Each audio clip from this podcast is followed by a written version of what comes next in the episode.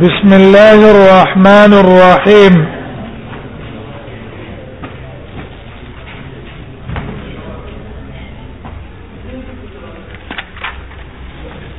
باب ما جاء في السجود على الجبهه والانف باب بیان د هغه حدیث کې چې راغلی دی په بار د سجدي کولو کې عل الجبهه والانف په تندي او په پوزا چې سره سجده لګی نو سجده کې په پوزم لګی تندې بم لګی اوس دا مسله ذکر کړي چې په سجده کې به پوزه هم لګي او تندې به هم لګي په یو باندې به اکتفا نه کوي وما حديث راوري دا ابي حميد الساعدي رضي الله عنه ان النبي صلى الله عليه وسلم كان اذا سجد امكن انفه وجبهته وي نبي صلى الله عليه وسلم بچ کله سجده کوله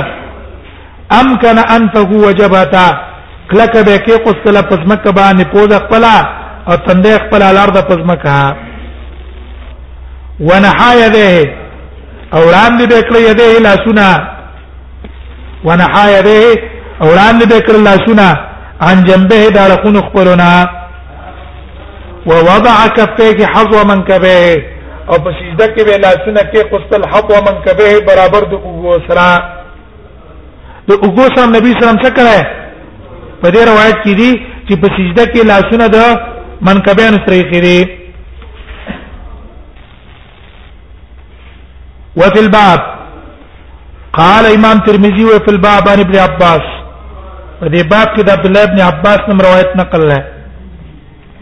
د وائل ابن حجر نام نقل ہے ابي سعيد الخدري نام روایت نقل ہے حدیث ابن عباس امام ابو داود هم راوړی ترمذی هم راوړی دا امام ابو داود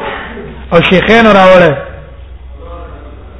باغی کې دي عمر النبي صلی الله عليه وسلم ان يسجد على سبت اعضاء وي نبي امر النبي صلى الله عليه وسلم يا عمر النبي صلى الله عليه وسلم امر النبي صلى الله عليه وسلم يسجد نبی سم حکم کړی سره به سجده په وان دامونو کوي ولا کف شعرا ولا ثوبا به ویل الجبهه والیدین تندل لا سونه دي رکبتین دي رجلین دي غره الته پوزه په چا کې داخله کړي جبهه او پوزه په یو اندام حساب کړي دا دا روایت ده او وائل ابن حجر روایت امام احمد راوړی رأيت رسول الله صلى الله عليه وسلم يسجد على الارض واضعا جبهته وانفه في سجوده امام نبی صلی الله علیه وسلم لیدلو چې سجده په ځمکه کړې و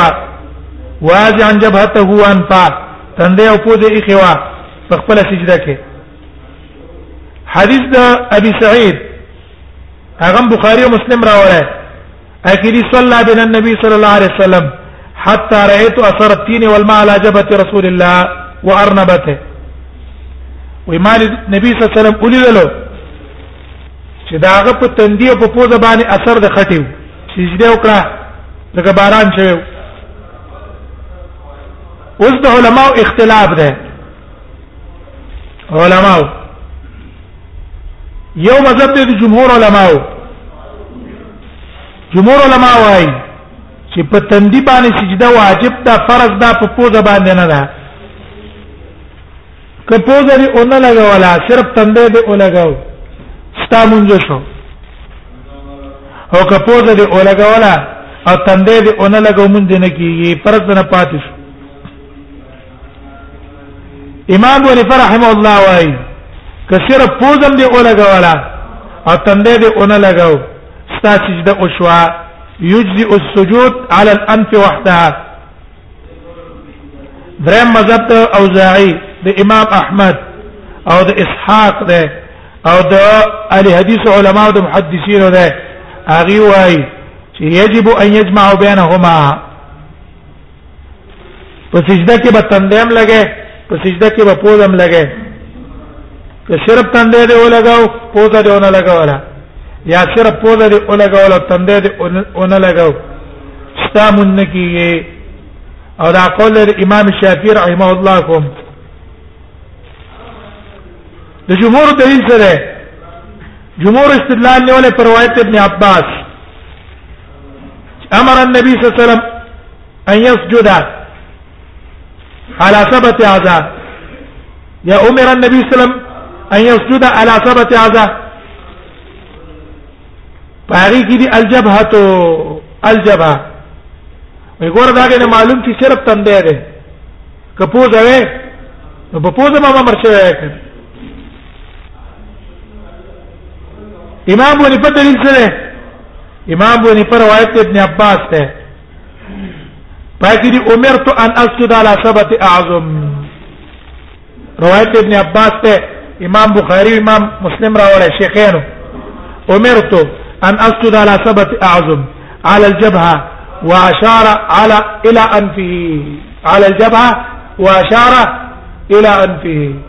وې ګوره پوزې ته اشاره وکړه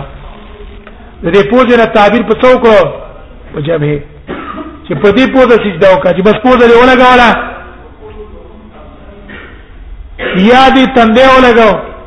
یو شی دی وې دې دوه تعبیر په څو کړو په یو یادا یادا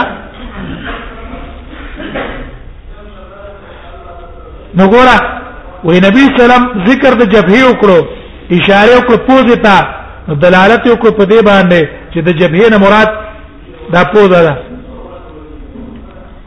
لیکن ابن دقیق العیده هغه د استدلال باندې رد کړه هغه دا اشاره دا معارضه نه ګرځي د هغه روایتونو سره چې پای کې صراحتا لفظ د جبهه ذکر شوی ته به ذکر شوی جبهه به ذکر شوی ایسه معارض نه ګرځي او کوم علما هغه وی دواړه جمع کول لازم دي نو هغه په روایت ابن عباس باندې استدلال نه ولا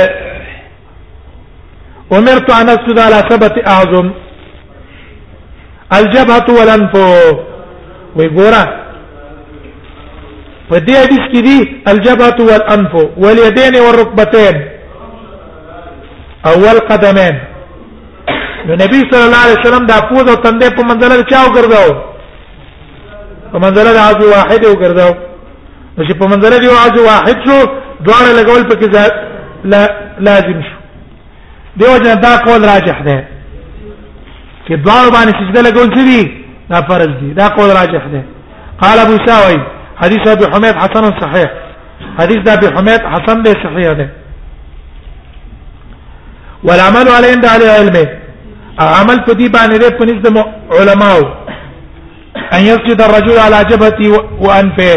چې سړی به سجده کوي په خپل تندي وانفه په پوزا فإن سجد على جبهته دون انفه کچرته سجده وکړه على جبهته په تندي باندې دون انفه په پوزا ونکړه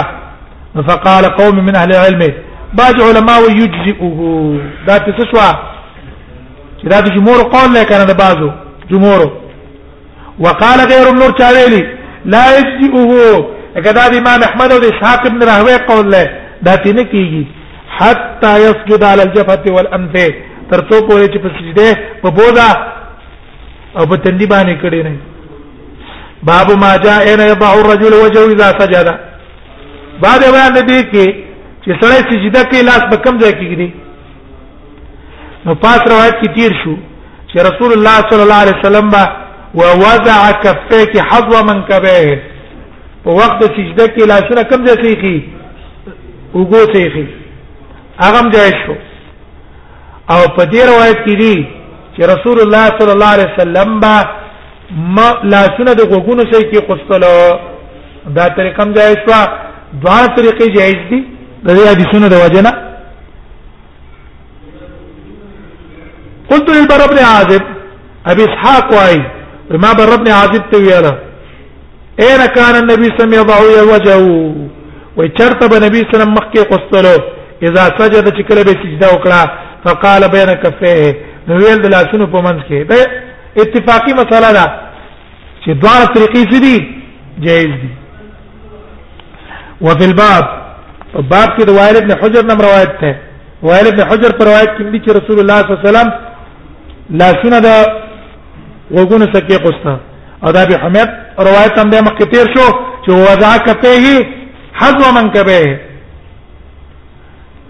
اوس امام ترمذی حدیث البراء حدیث حسن غریب دی وهو الذي اختاره بعض العلم وبعض علماء دا غره کړه ان يكون يداه قريبا من اذنيه چې غوګونه ته باندې نږدې با ما جاء في السجود على ثبت اعضاء بعد باندې دي کې سجده په پڅو کې په وان دامونو باندې بکه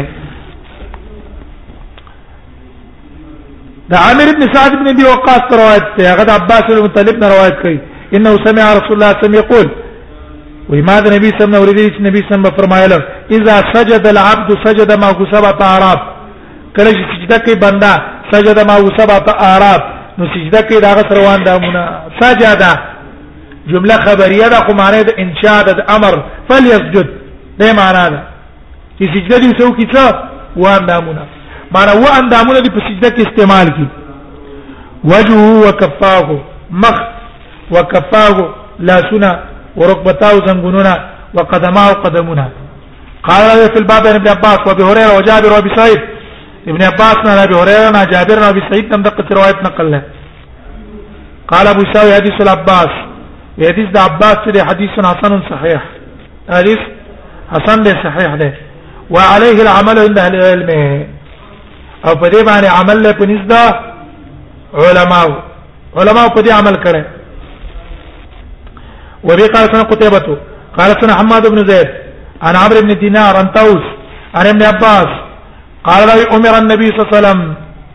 نبی سلام ته حکم شوی دی ان یسجد علی سبت اعضاء چې دا د سجده کې په اندامونو ولا يكف شعره ولا ثيابه او ځان ته بيختم نه راتاوي او جامې هم نه راتاوي اختم ځان ته نه راتاوي دا تیر پاره سره اختم په سجده کې څوزي پریوزي عبد الله بن مسعود ته چاوي اله چې زه پښتو سجده وکړه قال تقریب خیر لك مخکې دا دغه تیر شو ابو داود کې تفصیل ویل خطب ځان ته نه راته وي جامع هم ځان ته نه راته وي دا جامع په مانځ کې نه راته وي دا مانځ نه بار چې مانځ ته ودرېږي او ستا جامع برته وي دلی نه وي ولا ثياب قال ابو سعيد حديث حسن صحيح باو ما جاء في التجافي